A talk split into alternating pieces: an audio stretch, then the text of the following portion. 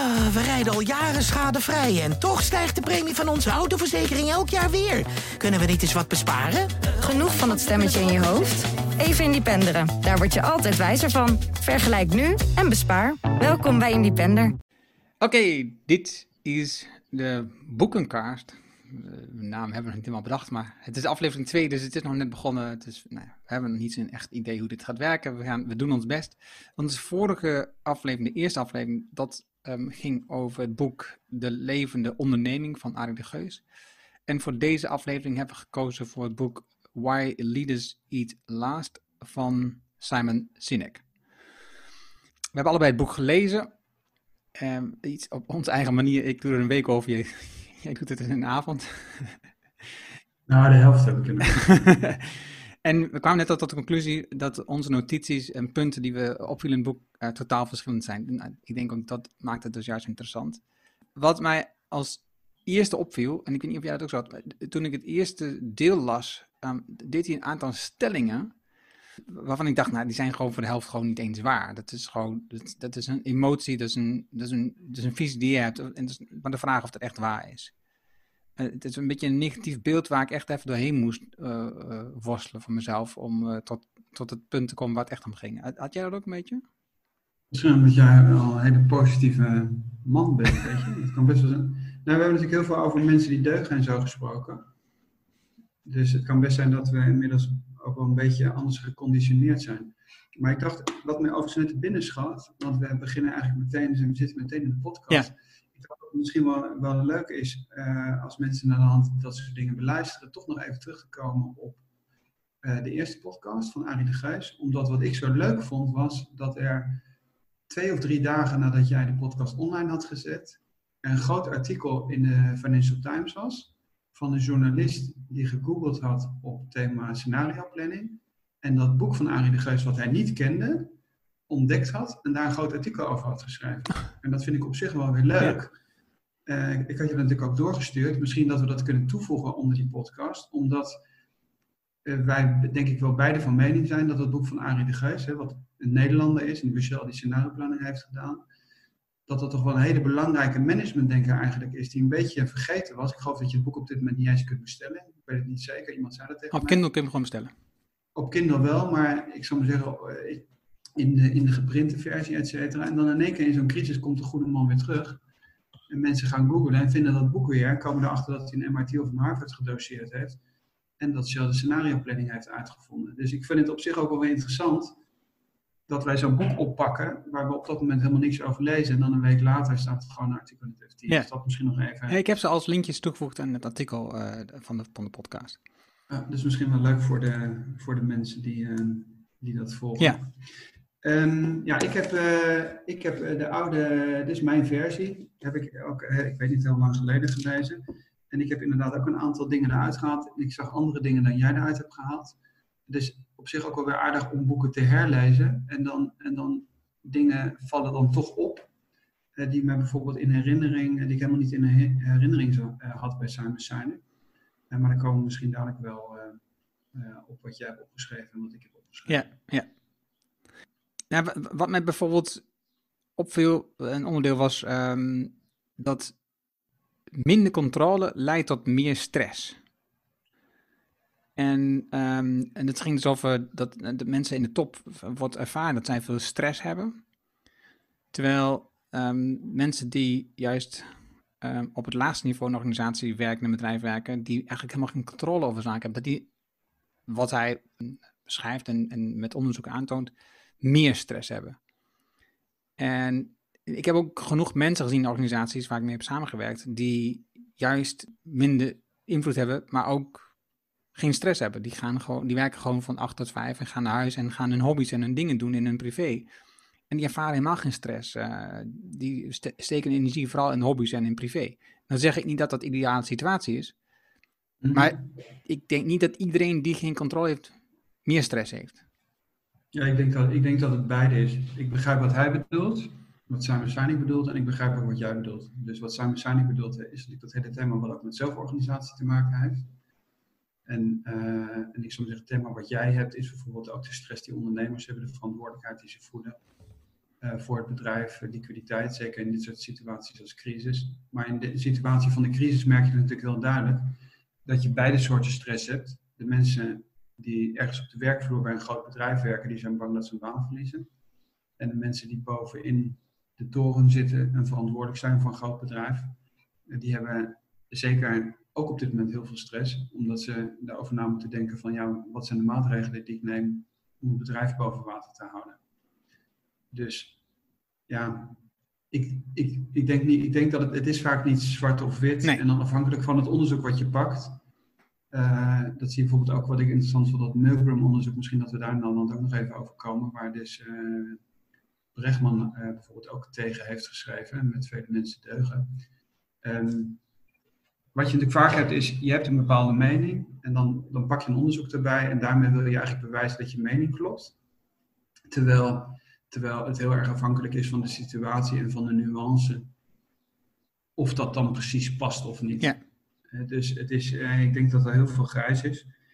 Uh, maar wat, wat, wat we misschien kunnen doen is, omdat jij bijvoorbeeld bepaalde dingen hebt opgeschreven, ook dat we even zeggen van oké, wat zijn de interessante blokken in dat boek?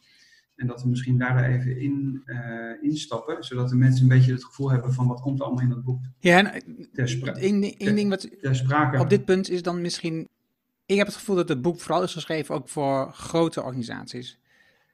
En niet zozeer voor kleine bedrijven, zeg maar, tot vijftig mensen bijvoorbeeld. Nou, ben ik, uh, heb ik een andere mening uh, over. Oké omdat hij helemaal aan het eind van het boek bijvoorbeeld ook zegt dat leiderschap eigenlijk meer iets is wat voor de hele organisatie geldt en wat voor iedereen geldt. Hmm. Dus maar ook daar waarschijnlijk hangt het een beetje vanaf welke bril je net op hebt. Ja. Ik, denk dat het, ik denk dat het wel elke, elke grote qua organisatie past. Ik denk ook dat het gewoon voor een eenmanszaak net zo... Oh ja, ik denk ook dat het past, maar, de, maar net, zo, de, net zo functioneert. De onderzoeken en de, de voorbeelden die aan, die zijn vooral van grote bedrijven. Ja, maar dat is denk ik ook om dat herkenbaar te maken. Omdat bijvoorbeeld het voorbeeld hij noemt ook Jack Wells, waar die, die, die vergelijkt met een onderneming die ik bijvoorbeeld ook niet kende. Ja, iedereen kent Jack Wells van General Electric. En dat is waarschijnlijk ook symptomatisch voor, ik zal maar zeggen, het neoliberalisme. Hè, met, zijn, met de boeken van Jack Wells. Uh, en 20% eruit elk jaar. Uh, ja, dan pak je natuurlijk, pak je natuurlijk voorbeelden die iedereen, die iedereen kent. Ja dat doen wij in principe natuurlijk ook. Bedoel, als wij zeggen van uh, het gaat om duurzaamheid, dan zullen wij Patagonia noemen. Omdat iedereen Patagonia kent. Noem je een of andere lokale speler in, uit een of ander land. Zegt iedereen van ja, ik heb nog nooit van gehoord. Terwijl er natuurlijk in elk land heel veel voorbeelden zijn. Dus ik, ik, ik, ik, ik, ik denk dat je wat dat betreft dat bij hem een beetje abstracter uh, uh, moet zien. Um, en ik denk dat iedereen altijd, altijd dat eruit haalt waar je zelf op dat moment ook mee bezig bent. En dat zie je in principe ook. Hè? We hadden het heel even vijf minuten over voordat we begonnen met de podcast. Wat heb jij opgeschreven en wat heb ik opgeschreven? En dan schrijf je toch andere dingen op. En dan merk ik, merk ik aan het lijstje wat ik van jou even net zag, merk ik, oh, waarom schrijf ik die dingen op die ik opschrijf? Omdat het exact de dingen zijn waar ik nu net mee bezig ben. En dat zal voor jou waarschijnlijk ook gelden. En dat geldt waarschijnlijk voor de lezer van zo'n boek. Ja. Nee, de blokken die mij het meeste opvielen, zoals de lezer een beetje, of de luisteraar een beetje weet, um, wat je in het boek mag verwachten, was onder andere wat jij vertelde rondom um, cijfers en mensen. Dus als je, als je met grotere aantallen werkt, dan heb je eerder de neiging uh, om te werken vanuit getallen in een spreadsheet, dan dat je kijkt naar de mensen die erachter zitten. En ik snap dat het heel lastig is. En dat, dus dat Jack Wells voor, uh, bijvoorbeeld, en voor me ook daarin dus Costco als tegenhanger, waarbij dus wel de aandacht is voor de mens. Um, het andere, wat het grote blok van me opviel, was over um, de vier chemicaliën in ons brein. Het is, een, ja, het is ook een groot onderdeel in het boek, het komt ook heel vaak terug. Het is heel veel handelingen die wij doen, die zijn. En die doen we eigenlijk heel onvrijwillig, omdat het te maken heeft met de, de chemische reactie die vrijkomt in ons brein, hoe we op dingen reageren. Uh, die vond, dat vond ik ook erg interessant om te leren. En ook, die, hij kwam er vaak op terug. Een groot blok waar ik voor de rest zelf niet zo heel ontzettend veel mee had, was over millenniums. Uh, hoe zij op dingen reageren, waar natuurlijk wel het onderdeel over multitasking interessant is. Hè? Dat je als je niet kunt concentreren wat dat met je doet en het effect daarvan. Uh, maar goed, daar heb ik al heel veel over gelezen. Dat vond ik niet echt een super interessant in onderdeel van het boek.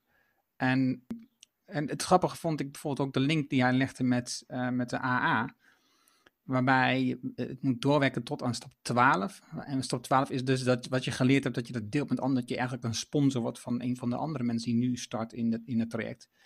En ik denk dat dat interessant is dat je nadenkt over wat is de, wat is de missie van je bedrijf. En dan werk je aan met je mensen en je visie. En een bepaald moet je stap 12 zetten. En dan moet je dus andere mensen meenemen en opleiden. En bijvoorbeeld als leider of als wat dan ook. Uh, en die vond ik ook super interessant um, om te lezen. Uh, en het stukje wat ik ook interessant vond was het, was, het onderdeel over um, de binding met mensen. He, dus dat je, dat je je verbonden voelt met een groep. En dat het dus onmogelijk is, of lastig in ieder geval, om dat te doen via het scherm. Dus, uh, dus social media is waar mensen ontzettend van bezig zijn. Heel kortstondig ja. contact, uh, wel vaak, um, maar veel dus in, um, kortstondig, waarbij je telkens wisselt van contacten. En, um, maar de echte binding ontstaat dus doordat je mensen echt ontmoet en dat je ze omhelst of dat je vaak met hun fysiek in contact bent. dat waren mijn belangrijke dingen. Wat was het voor jou? Uh, de blokken die ik, of tenminste de stukken die ik interessant vond, was ik had het boek veel sterker in herinnering uh, dat het over het leger ging. Nou, dat was veel minder het geval. Ik weet niet waar het aan ligt. Misschien dat kan ook, dat kan ook te maken hebben dat, dat ik ook de TED-talk van hem uh, sterk nog in herinnering heb. Waar hij over Johnny Bravo en zo vertelt. Hè? Dus over die situatie in Afghanistan. Maar dat was veel minder sterk in dat boek dan ik het in herinnering had. Wat ik uh, helemaal niet in herinnering had, was zijn enorme kritiek op Amerika in de jaren 80 en op Reagan, et cetera. Dat verbaasde me enorm dat ik dat helemaal niet meer in herinnering had. Uh, maar misschien is dat ook iets wat me nu op dit moment veel, veel sterker nog bezig gaat dan. Uh, ik, weet niet, ik niet of dat tien jaar geleden of zo gelezen heb. Um, dat was het tweede gedeelte. Dan wat ik erg interessant vond, was wat terugkomt, is toch dat People First idee. En nu zeker op het gebied van in die crisis over het ontslaan. En daar, wie natuurlijk daar terugkomt, uh, omdat hij best wel veel genoemd wordt, is die Bob uh, Chapman. en de vergelijking met, met familie. En, misschien dat we daar aan de hand ook op terugkomt. Dus dat hij het vergelijkt als jij iemand zou ontslaan, dat je, ja, net alsof je kinderen hebt geadopteerd. Ik vind dat op dit moment echt heel erg interessant. Um, en wat ik ook wel interessant vond, was toch ook wel weer, maar dat is op zich niet nieuw, omdat het natuurlijk heel erg ook in ons DNA zit, is, uh, dat is helemaal aan het eind van het boek, uh, enerzijds die psychological safety met Amy Edmondson, waar we het ook al vaak over hebben gehad, wat bij hem al heel sterk een rol speelt. Hij noemt het dan circle, de circle of safety. Dus wat dat betreft heel erg vergelijkbaar. En wat natuurlijk terugkomt is, wat we van Richard uh, Branson ook kennen, is um, uh, customer will never love a company until the employee is love it first. Ja. Uh, dus dus dat people first principe, wat natuurlijk ook terugkomt, en dat is ook niet wat dat betreft de enige of de eerste. Dus ik, ik, vond, ik vond het boek duidelijk breder dan ik het in herinnering had, moet je eerlijk zeggen. Ja, mooi. Mooi te zien. Oké, wat is, wat is waar, waar, waar wil je het als eerste over hebben? Wat is waar je dieper op in wilt gaan? Misschien dat het in het kader van de crisis op zich wel interessant is dat als eerste even op te pakken, omdat dat denk ik is waar veel mensen op dit moment mee bezig zijn. Uh, waar wij denk ik beide ook veel uh, op dit moment, ik zou maar zeggen, zelf mee actief op social media zitten. En daar vind ik misschien het, het, het hele idee van Um, uh, een bedrijf als familie, om het maar even zoals beeld te nemen, vind ik heel krachtig. En in het boek uh, gaat het vooral over, uh, over Bob Chapman. en dat citaat wat ik net noemde is: letting, letting someone into an organization is like adopting a child. En dat vind ik wel heel, heel, heel erg krachtig. Dat ook in verbinding met wat hij heel erg sterk aantoont. Er zit een voorbeeld in het boek waar hij empathie uitlegt. Dat vond ik heel erg krachtig. Dus hij, heeft, hij beschrijft twee nieuwsfeiten. Het ene gaat over Syrië, waar ik zeggen honderdduizend mensen sterven. En dan zit er een tweede voorbeeld in, waar hij één voorbeeld beschrijft van iemand die in Amerika met de auto op stap is. Uh, er is een ongeluk gebeurd en, en dan wordt het beschreven dat, ik geloof een jonge vrouw, daar ligt en naar het ziekenhuis uh, gebracht wordt. Je wordt door die beide voor, voor, voorbeelden word je meegenomen als lezer. En dan vraagt hij na die twee voorbeelden waar je het sterkste empathie ontwikkeld hebt. En dat is natuurlijk met het tweede geval waar het om één persoon gaat. En het eerste voorbeeld over Syrië waar het over 100, 100.000 mensen gaat. En dan betrap je jezelf als lezer erop dat, je, dat in principe exact dat gebeurt wat hij daar beschrijft. Dat je een veel sterkere empathie ontwikkelt met met de ene persoon. En niet met die honderdduizend mensen in Syrië die er omgekomen zijn. En dat vond ik heel erg krachtig. Waarom? Ten eerste omdat iedereen dat elke dag meemaakt. er gebeurt iets in de buurt of uh, er overlijdt iemand in dezelfde straat. Dan is het een enorm thema. Overigens ook terecht. Alleen hoe, ver, hoe meer het ver van mijn bedshow is. Uh, staat het op pagina 15, zou ik maar zeggen, van de krant. Of ergens verstopt. Uh, en wat wil hij daar eigenlijk mee zeggen? om nu even naar de crisissituatie te gaan. Als jij een beslissing neemt over een Excel-tabel boven in de toren als CFO dat er zoveel mensen uit moeten en je kent die mensen niet. En zeg dan tegen personeelszaken of HR, wat dat betreft dan is het natuurlijk HR, dan zijn het resources. Kunt u overigens die 100 mensen ontslaan? Ik vind, dat doet hij heel erg krachtig. Hmm. Omdat je echt meegenomen wordt in die empathie. En na de hand betrap je erop en zeg je, ja, zo is het exact. En dat is echt iets anders dan het in de theorie uitleggen. Dus ik denk dat als een CFO of een manager echt zelf de mensen moet ontslaan en ook echt die mensen zelf kent, dat is dat voorbeeld met Chapman van dat, het echt, dat hij het als familie ziet, dat dat echt wel een andere klus is dan uit een Excel-tabel de namen weg te strepen en dan die Excel-tabel aan de HR te geven. Dat vond ik zeker als brug nu naar de huidige crisis, vond ik zeer, zeer, zeer krachtig. En ik vond ook de manier waarop hij dan naar de hand doorgaat op Jack Welch, et cetera. Mhm. Vond, ik, vond ik erg sterk en had ik eerlijk gezegd niet zo, niet zo goed in herinnering. Ja, ik, ik, ik um, had ook een quote over opgeschreven. Um, sacrifice the numbers to save the people, not sacrifice the people to save the numbers. Voor, voor mij was, was, dat, was dat een van de quotes die me daar enorm opvielen. Is dat je, je kan en dat kwam ook in het voorbeeld uh, in de tegengang van Jack Welch, uh, de, de Costco-uitleg kwam naar voren. Dus um, waarbij Costco was op dat moment een bedrijf die zich onderscheidde in de markt ten opzichte van de andere spelers, um, de grote winkelketens, uh, um, waarbij zij veel meer betaalden dan het minimum, maar ook veel meer betaalden dan de markt. Het minimum was iets van, ik dacht, 7 dollar, de markt was 13, zij betaalden 20 dollar per uur. En een bepaald moment zaten ze in een crisis en, en dan gaan ze dus nakijken, wat kunnen we dan aan doen? En, en bedenken allerlei manieren om ervoor te zorgen dat in ieder geval de familie bij elkaar blijft. En dat we gezamenlijk um, en niet een paar enorm leiden. Gezamenlijk een beetje leiden, niet een paar enorm leiden. En dus zij hebben zoiets, oké, wat kunnen we doen om ervoor te zorgen dat de nummers op dit moment, de getallen, de cijfers, een beetje um, een probleem zou kunnen opleveren. Maar dat de mensen in ieder geval veilig blijven in deze situatie. In plaats van, nee, we gaan gewoon mensen opofferen om uiteindelijk de getallen op orde te houden. En, en voor mij was dat de quote die daar enorm in En dat zie je natuurlijk nu gebeuren. Je ziet nu um, voorbeelden in het nieuws. KLM is natuurlijk een wat veel gebruikt is, maar dat zie je op vele fronten, waarbij in no time 2000 mensen ontslagen. Um, en de topman krijgt een bonus. En dus, dus de topman is niet meer gekoppeld aan het individu in de organisatie, maar gekoppeld aan zijn eigen beloning. En dan, en dan is het, dan, dan maak je het heel eenvoudig om keuze te maken vanuit een spreadsheet in plaats van uit de mens, de familie.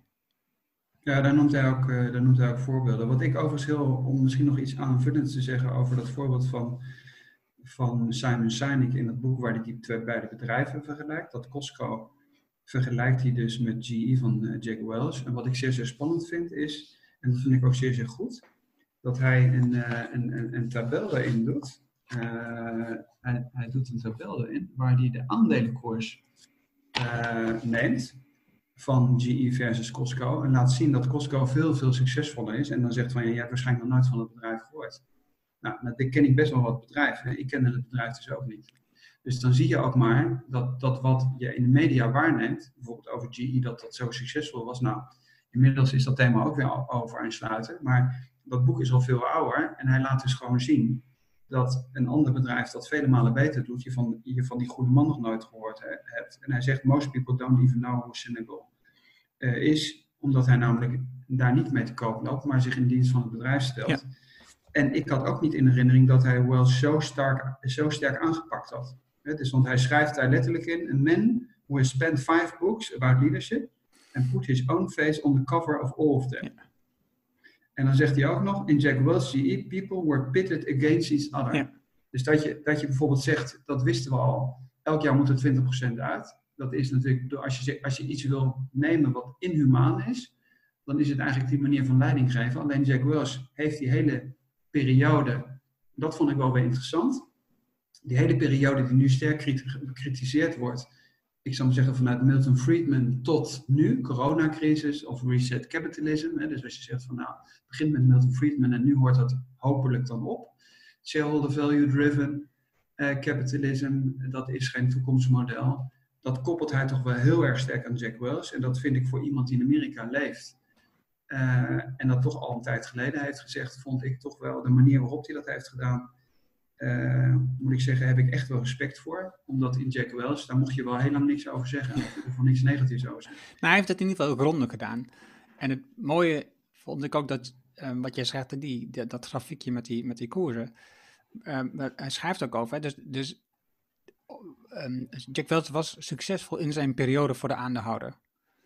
Het is dus voor de periode dat hij er zat, steeg het aandeel warempel. En veel harder dan het aandeel van Costco. En, ehm, maar wat, je, wat er gebeurde was op het moment dat, dat zijn leiderschap, als je het al zo zou kunnen noemen, wordt overgenomen iemand dat de boel in elkaar stort. En daarin zie je dus bij um, zie je dus daar het verschil. En dus hij heeft overigens eh 40 jaar zo leiding aan Costco. En toen hij het leiderschap overdroeg, was dat iemand die op dezelfde manier functioneerde. En dus, dus het principe, de visie, de missie van het bedrijf werd gegarandeerd omdat hij de leiders heeft opgeleid van intern. En wat je daar ook ziet is dat managers niet worden aangetrokken vanuit um, de, de, de, de, de best rankende um, MBA's of wat dan ook. Universities, nee, nee, nee. Wij trekken de mensen aan op de laagste niveau en die mensen groeien door tot uh, manager, tot afdelingsmanager, wat dan ook. Ja. En dat um, uh, herinner ik me ook aan een ander boek waarbij uh, van WD-40, dat is zo'n zo'n schoonmaakmiddel, um, kwam er ook naar voren, waarbij dus ook mensen werden aangenomen als receptionist. En die, uiteindelijk worden die de marketing manager. Omdat ja. ze gewoon liefde hebben voor het vak en dat willen op. En die worden. Dat, en dat is het boek van de S-Curve, uh, Build an A-Team. Ik denk dat het daarom draait. Ja, dat je mensen een veilige haven geeft om zich te ontwikkelen. En ook fouten te maken. Ja, het is dat hele thema hire for culture, not for skills. Ja. Dat klopt. Wat ik overigens nog interessant vind, is om, om toch ook weer de, meteen de link te maken naar de actualiteit. Omdat dezelfde discussie nu ook weer speelt. Uh, je hebt misschien gezien dat uh, gisteren een artikel op Corporate Rebels, uh, ik zou maar zeggen, verschenen is wat ik geschreven heb over het vermijden van ontslagen, waar we het in het verleden ook in een podcast over hebben gehad. En dan zie je exact hetzelfde. Dus de mensen die, dat, die, die onderzoeken kennen, die zeggen ja, dat klopt. De bedrijven die solidair zijn met hun medewerkers. En dus dat het ontslag als laatste middel geldt, die zijn zowel qua, ik zal maar zeggen, shareholder value uh, succesvoller, op lange termijn ook succesvoller. Die bedrijven leven ook langer. En dat is dat hele thema weer met Arie de Geus van Living Company. Toch heb je discussies, meteen weer online, uh, met mensen die zeggen van, ja nee, maar ik zie dat helemaal niet als prioriteit. Dus ik heb de stoute schoenen aangetrokken en heb, omdat ik, het, omdat ik dat artikel niet in Amerika gepubliceerd kreeg, wat ik eigenlijk wel wilde, heb ik een e-mail gestuurd aan Scott Galloway, de marketingprofessor. Uh, die heel beroemd is. Ik dacht van, weet je wat? En nee heb je, ja kun je krijgen. En ik zei van, nou, ik krijg het niet gepubliceerd, zou je dat willen delen? En, dus, en toen antwoordde hij, for me it's not a priority. Hè, dus om layoffs te vermijden. En toen dacht ik, oh interessant, of hij heeft het artikel niet gelezen, want het is best wel een lang artikel, dus dat kan best. Dat heb ik teruggeschreven. Nee, het gaat er niet om of dat wel of geen prioriteit is. Het gaat erom dat uiteindelijk dat het meest zinvolle inhoudelijke is wat je kunt doen. Dus ook al zou je een andere insteek hebben, en dat vind ik met die tabel, om weer even de link te maken naar dit boek. Als je zegt van nou, je wilt je, wilt je shareholder value wil je maximeren, dan is dus die leiderschapsstijl van Costco beter geweest dan van General Electric. Terwijl de mensen die, die denken dat General Electric of Jack Welch zo succesvol is geweest vanuit het shareholder value perspectief, dat is niet eens zo. Dus dat is even helemaal los van, van dat humane aspect. Dus wat ik heel vaak zeg is, ook al zou je helemaal geen donder interesseren voor je mensen en alleen maar de belangen van je aandeelhouders op de eerste plek zetten, zelfs dan zou het interessant zijn daar eens goed naar te kijken. Want dan zou je erachter komen dat als je je shareholder value wilt maximeren, dat je misschien toch menselijker moet worden. Het lastige is natuurlijk dat je, je moet dan geduld hebben. Het is, het is een strategie voor de lange termijn. en uh, datzelfde geldt voor uh, van het boek van Aarde Geest. Het, het, het, zijn strategieën voor de lange termijn. Voor bedrijven die willen overleven, voor bedrijven die langer willen voorbestaan. Nou, kijk naar het verhaal van, van Costco en Jack Welch. Dat is niet, het is in die periode dat Jack Welch daar aan de top zat, was... Nee, ik heb het nu over, ik heb het nu over de crisis. Hè? Ja, nee, dus bijvoorbeeld dat Deadly Dan, Deadly Dan Price, dus die in, in het nieuws was in Amerika, die had 40% omzetuitval. En de kans dat een bedrijf, als je dan heel rigoureus erin gaat en niet met je mensen spreekt, dan is dat heel moeilijk om dat te stabiliseren. Dus ook in een crisissituatie op korte termijn heeft solidariteit een hogere waarschijnlijkheid om na de hand te overleven. Dus dat geldt ook voor de korte termijn. Waar heeft dat mee te maken? En dat is wat hij eigenlijk ook beschrijft op basis van die chemicaliën. Of van die chemische reacties. Het grote probleem is, ook al zou je de helft ontslaan in één keer, dat de andere helft, als je ze niet meeneemt, zo, zo bang is dat na de hand het konijntje voor de slang zit en eigenlijk volledig geparalleliseerd is en de productiviteit is volledig weg. En dat is wat hij eigenlijk omgekeerd beschrijft met die, met die circle hmm. of safety. Je moet heel erg zeker zijn. En dat is ook waarom ik, waarom ik dat citaat al even noemde over uh, customers will never love a company until employees love it first. Eigenlijk gaat, het, eigenlijk gaat het nog verder dat de mensen die in een organisatie voelen. Hij schrijft ook, if they feel protected, het gaat dus om de werknemers, then they will do all they can do to serve the customers without fear or repercussions from the company leaders. En dat is ook wat Amy Edmondson beschrijft. Dus het is niet alleen maar, bij Arie de Geus is het heel erg van hoe lang leeft het bedrijf. Alleen ik denk, of tenminste ik denk dat niet alleen, maar ook in crisissituaties is het enorm belangrijk dat mensen die zekerheid voelen. En daarom vind ik dat voorbeeld nog wel interessant. Wat hij noemt met Sparta. Ik weet niet of je dat voorbeeld nog in je hoofd hebt over die schilden. Weet je, is je dat opgevallen of niet? Ik even denken. Hij beschrijft in dat boek, waar het gaat over familie, en dat staat op dezelfde pagina, schrijft hij dat in Sparta, en ik vind dat natuurlijk een fantastisch voorbeeld, en dat was oh, ja. vergeten, ja, ja. is historicus. Hij zegt, hij zegt, the power of the Spartan army did not come from the sharpness of, of their spears, however it came from the strength of their shields. Dus, en het allerbelangrijkste was, je mocht niet je schild verliezen. Dat vind ik een fantastisch voorbeeld. Dus hij schrijft: Spartans excuse without penalty the warrior who loses his helmet or breastplate in the battle. En waarom is dat zo? Omdat als, als je zo'n muur hebt van schilden en iemand is zijn schild of zijn helm kwijt, dan is dat de zwakke plek in de organisatie. En dat vind ik een fantastisch voorbeeld.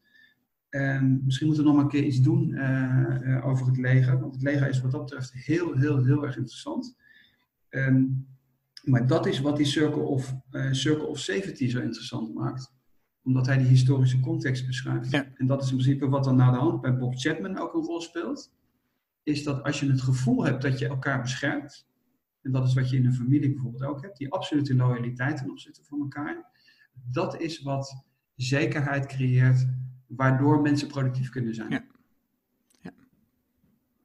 Ja, en het zorgt natuurlijk met die, met die chemicaliën in je hoofd, het, de, die chemie, die zorgt ook voor dat je daardoor uiteindelijk als mens gelukkiger bent. Hè? Dus het is, het is de balans tussen dat je vooruit wil en dat je dat samen doet. Hè? Dus, dus aan de ene kant um, heb je te maken met um, de endorfines en dopamines die ervoor zorgen dat we een doel willen bereiken, dat we achter dingen aan op, dat we voorwaarts willen gaan, we willen overleven. Aan de andere kant heb je dan uh, serotine en oxyto oxytocin, uh, waarbij het gaat over samenwerken en vertrouwen. En die twee moeten in balans zijn. Hè? Dus als je, als je te veel hebt met, van de eerste twee, dan is het vooral dat je uiteindelijk voor jezelf gaat en dat je uh, de rest uit het oog verliest. Um, en als je de tweede veel hebt, dan betekent uiteindelijk dat je niet vooruit, dat je niet vooruit komt. Hè? Dus, dus, dus je kan wel een fantastisch bedrijf opbouwen, maar als je geen winst maakt, dan gaat het bedrijf uiteindelijk gewoon ten gronde. Dus, dus die twee dingen horen werkelijk ook echt wel samen. Ja, en de link, en de link misschien naar leiderschap en actuele voorbeelden. Mhm. En het zijn steeds dezelfde bedrijven die dan genoemd worden. Is, en dat vond ik eigenlijk, ik zou maar zeggen, het, het beste stukje tekst vond ik, heel eerlijk gezegd, eh, eh, het citaat waar het, mee, waar het boek mee begint. Eh, eh, en dan, daar vind ik het, de vergelijking tussen het leger en, en, en eh, de grote corporates zo interessant. Wat overigens Simon Sinek, als ik het in herinnering heb, is de TED Talks nog veel sterker. Ja. Hij schrijft hier: Leaders are the ones who run head, head first into the unknown. They rush towards the danger. En nu komt denk ik het beslissende citaat. They put their own interest aside to protect us or to pull us into the future. Leaders would sooner sacrifice what is theirs to save what is ours, and they would never sacrifice what is ours to save what is theirs. This is what it means to be a leader. Nou, en als je dat nou, als je dat nou zou voorlezen, of, of, of je daar jezelf aan spiegelt, als je verantwoordelijkheid hebt voor heel veel mensen, eh, en je dan nog steeds heel goed in de spiegel kunt kijken, ik denk dat je dan wel bij de kern aan, aan, eh, eh, ik zou zeggen, gekomen bent. En dat verklaart natuurlijk ook waarom dit boek gekomen is na Why. Ja. Omdat hij bij Why, eh, natuurlijk bijvoorbeeld de centrale figuur is daar Martin Luther King, I, I have a dream. Dus ten eerste weet, en, en, dat, en dat gaat over het grotere geheel. En Martin Luther King wist dat als hij zich zo exponeerde en zich daarvoor in zou zetten, dat hij, dat hij een hele grote kans zou lopen vermoord te worden. En, dat, en, dat, en, en dan ben je natuurlijk far, far beyond. En als je het dan ziet dat mensen aan het onderhandelen zijn voor hun bonus. eh, ik neem bijvoorbeeld even overkoepelend Air France KLM. Hè. Er werd onderhandeld over de bonus opnieuw. En die, die wilden ze afhankelijk maken van hoeveel overheidssteun ze zouden krijgen. Nou, als je natuurlijk, als je natuurlijk ik zou maar zeggen, bij principes en waarden en normen, als je daarover wilt discussiëren, dan ben je natuurlijk wel heel erg ver verwijderd van het voorbeeld wat Simon Sinek neemt. Van mensen in het leger, die bereid zijn hun eigen leven te riskeren voor het leven van anderen. En, de, en het beslissende citaat is daar altijd, waarom doen ze dat? Omdat hun kameraden voor hun exact hetzelfde zouden doen. En dan is in principe de cirkel met Sparta weer rond. Nou ja, en dat, en dat, dat het stuk in het boek dan over integriteit, dat, dat sprak, me ook, wel, sprak me ook aan. Is dus, ehm, en, en ik vind dus wat je zegt, dat bijvoorbeeld wat je schrijft van, van Air France, dat je gaat overhandelen of je boos is afhankelijk van de subsidie die je krijgt, dat is, dan, dan ben je de integriteit dus verloren. Dus dan, op dat moment ben je dus ook je leiderschapspositie verloren. Dus, dus niemand die meer je- op dat moment nog in jou gelooft dat jij het beste voor hebt met je bedrijf. Klopt. Maar daar is bijvoorbeeld ook, bedoel, je hebt, ehm eh, we kunnen misschien ook een, keer een podcast over doen. Een eh, Franse professor, die heeft een boek geschreven over altruïsme. En, en, en voor die crisis was het hele idee van altruïsme van, ja, een beetje, een beetje een gek woord, een beetje eh, linksig, een beetje, eh, een beetje non-profit-achtig, et cetera. Maar dat komt natuurlijk in één keer in die crisis, komt van het grotere doel en het algemenere belang. En multi-stakeholder is natuurlijk in één keer volledig terug eh, eh, op de agenda en je in te zetten voor het geheel en je eigen belang ondergeschikt te maken van het eh, voor het algemene belang, dat is natuurlijk nog steeds wel de kern van de zaak. Dus het betekent overigens niet dat als jij veel verantwoordelijkheid draagt, dat jij daar niet fatsoenlijk voor betaald mag worden. Ik zou het fantastisch vinden als salaris van de minister-president tien keer zo hoog zou zijn. Hè? Eh, dat is een enorme verantwoordelijkheid die iemand voor een hele samenleving heeft. Het is volledig onafhankelijk van, van welke persoon dat op dit moment eh, vervult. Hij zegt bijvoorbeeld ook altijd in het boek van niemand zou er een probleem mee hebben als moeder Teresa of eh, Gandhi heel veel geld zou hebben gekregen. En dat geeft het in principe ook heel goed aan. Alleen het omgekeerde is natuurlijk als iemand heel duidelijk zijn eigen belang voor het belang van het, van het algemeen of ook van zijn mensen stelt. Eh, en daar is natuurlijk bijvoorbeeld dat interview eh, van, van Elbers. eh, ik denk dat het wel de geschiedenis ingaat, waar hij gevraagd wordt van, u heeft net 2000 mensen ontslagen. U, uw chef heeft genoegen genomen met 20% minder salaris. Wat vindt u daarvan? En dan, en dan zegt hij voor lopende camera, ja, daar moet ik eens nog over nadenken. Ik ben nu bezig met het managen van de crisis. Nou, en, dan, en dan ben je precies aan zo'n punt gekomen waar, waar door al zijn medewerkers zitten daar ook naar te kijken. Eh, en, dus, dus, dus, en als je dan natuurlijk een week naar de hand komt met het verhaal, jongens, wie kan er allemaal salaris inleveren of hoeveel mensen zullen we daaruit gaan? Ja, dat komt natuurlijk niet meer bij de mensen aan, omdat je geloofwaardigheid niet meer Ja, hebt. precies. precies. Oké, wat is. ehm, jouw afsluitende gedachten over dit boek? Uh, ik denk dat het een heel interessant boek is om dat, uh, zoals wij dat nu hebben gedaan, uh, nu weer te lezen. Omdat je natuurlijk in, in de huidige crisis heel erg geconfronteerd met wat, ja, wat de verantwoordelijkheid is. En dat geldt niet alleen maar voor mensen die ondernemingen leiden, maar ook gewoon mensen in de organisatie zelf.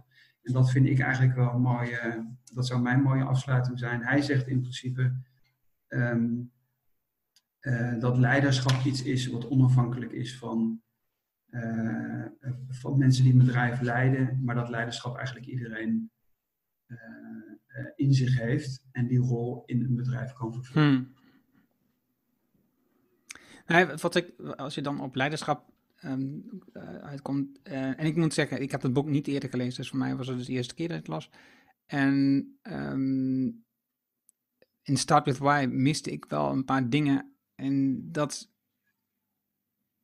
vond ik hierin meer. Ik vond hier meer in terug. Um, en ik, ik ben wat minder van de voorbeelden van, van het leger. Um, die stonden ook in, in daar lees ik vrij snel doorheen. Maar wat me uh, aan het einde nog, de, een quote zeg maar, die, die, die mij opviel was, uh, leiders geven richting en geven tegelijk ruimte om zelf te ontdekken hoe je daar komt. Het is ze straffen je niet af op het falen in het proces. Nee, ze geven de ruimte om jezelf te ontwikkelen. Ehm, maar ze geven wel richting. Ze geven je wel sturing. We gaan met z'n allen die kant op, wat jij ook beschrijft, bijvoorbeeld. De leider gaat voorop, gaat het gevaar tegemoet. Want dat maakt het voor mensen um, aantrekkelijk en ook makkelijk om ook mee te gaan in het proces.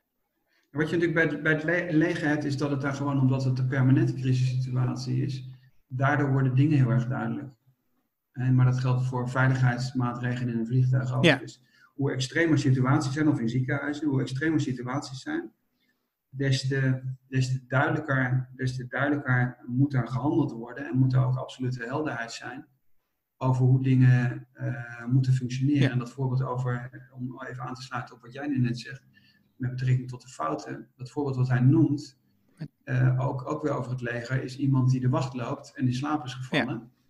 En, en, die dan, en dan gaat het om van ja, wat, waarom, is die, waarom moet diegene het leger uit? Niet omdat hij in slaap is gevallen. Nee, omdat hij, omdat hij toen daarna gevraagd werd, loog.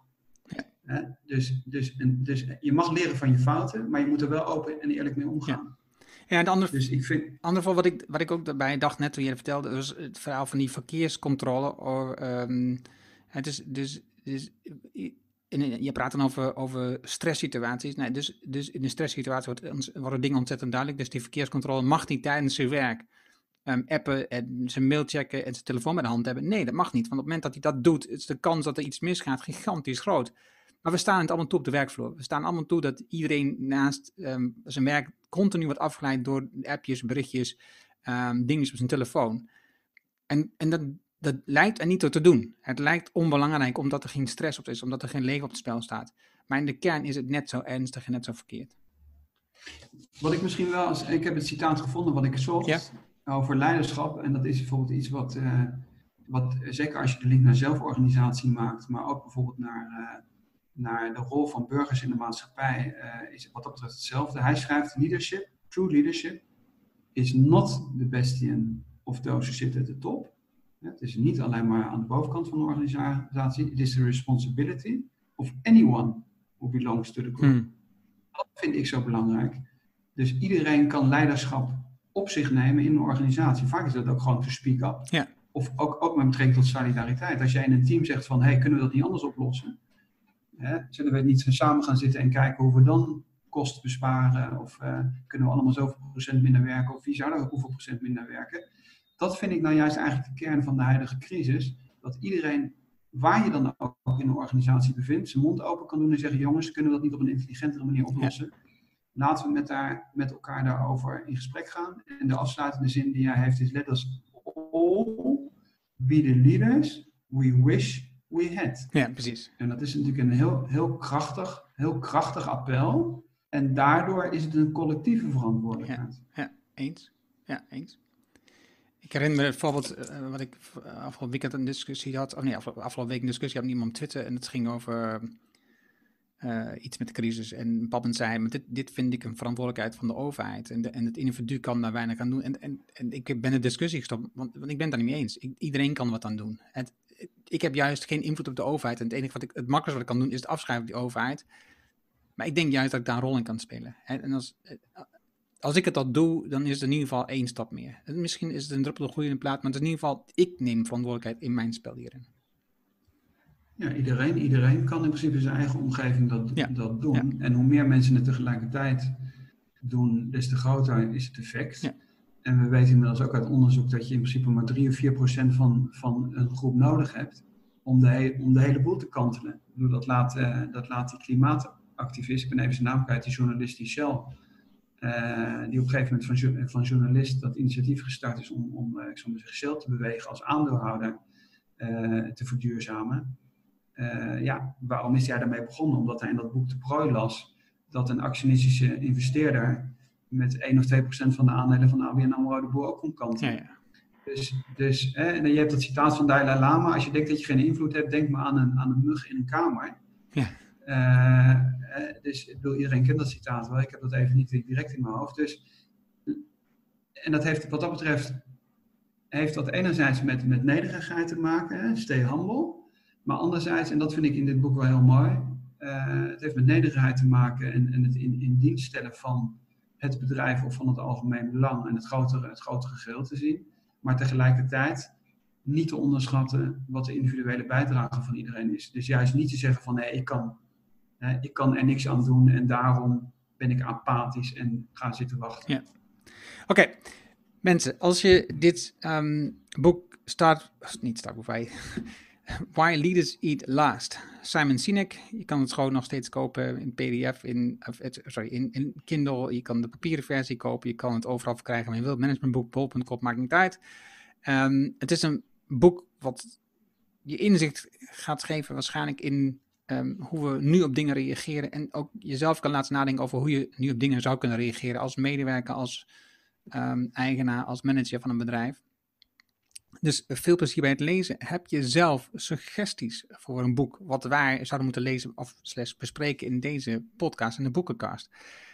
Um, laat een berichtje achter hieronder en we, we, kijken, we, kijken naar of wat ons volgende boek wordt. Dankjewel. Dankjewel Tom. Ja, graag gedaan. Dankjewel. Leuk gesprek weer. Um, past onze autoverzekering straks nog wel bij de nieuwe auto die we gaan kopen? Of kunnen we met overstappen flink besparen? Genoeg van het stemmetje in je hoofd? Even Independeren. Daar word je altijd wijzer van. Vergelijk nu en bespaar. Welkom bij Independer.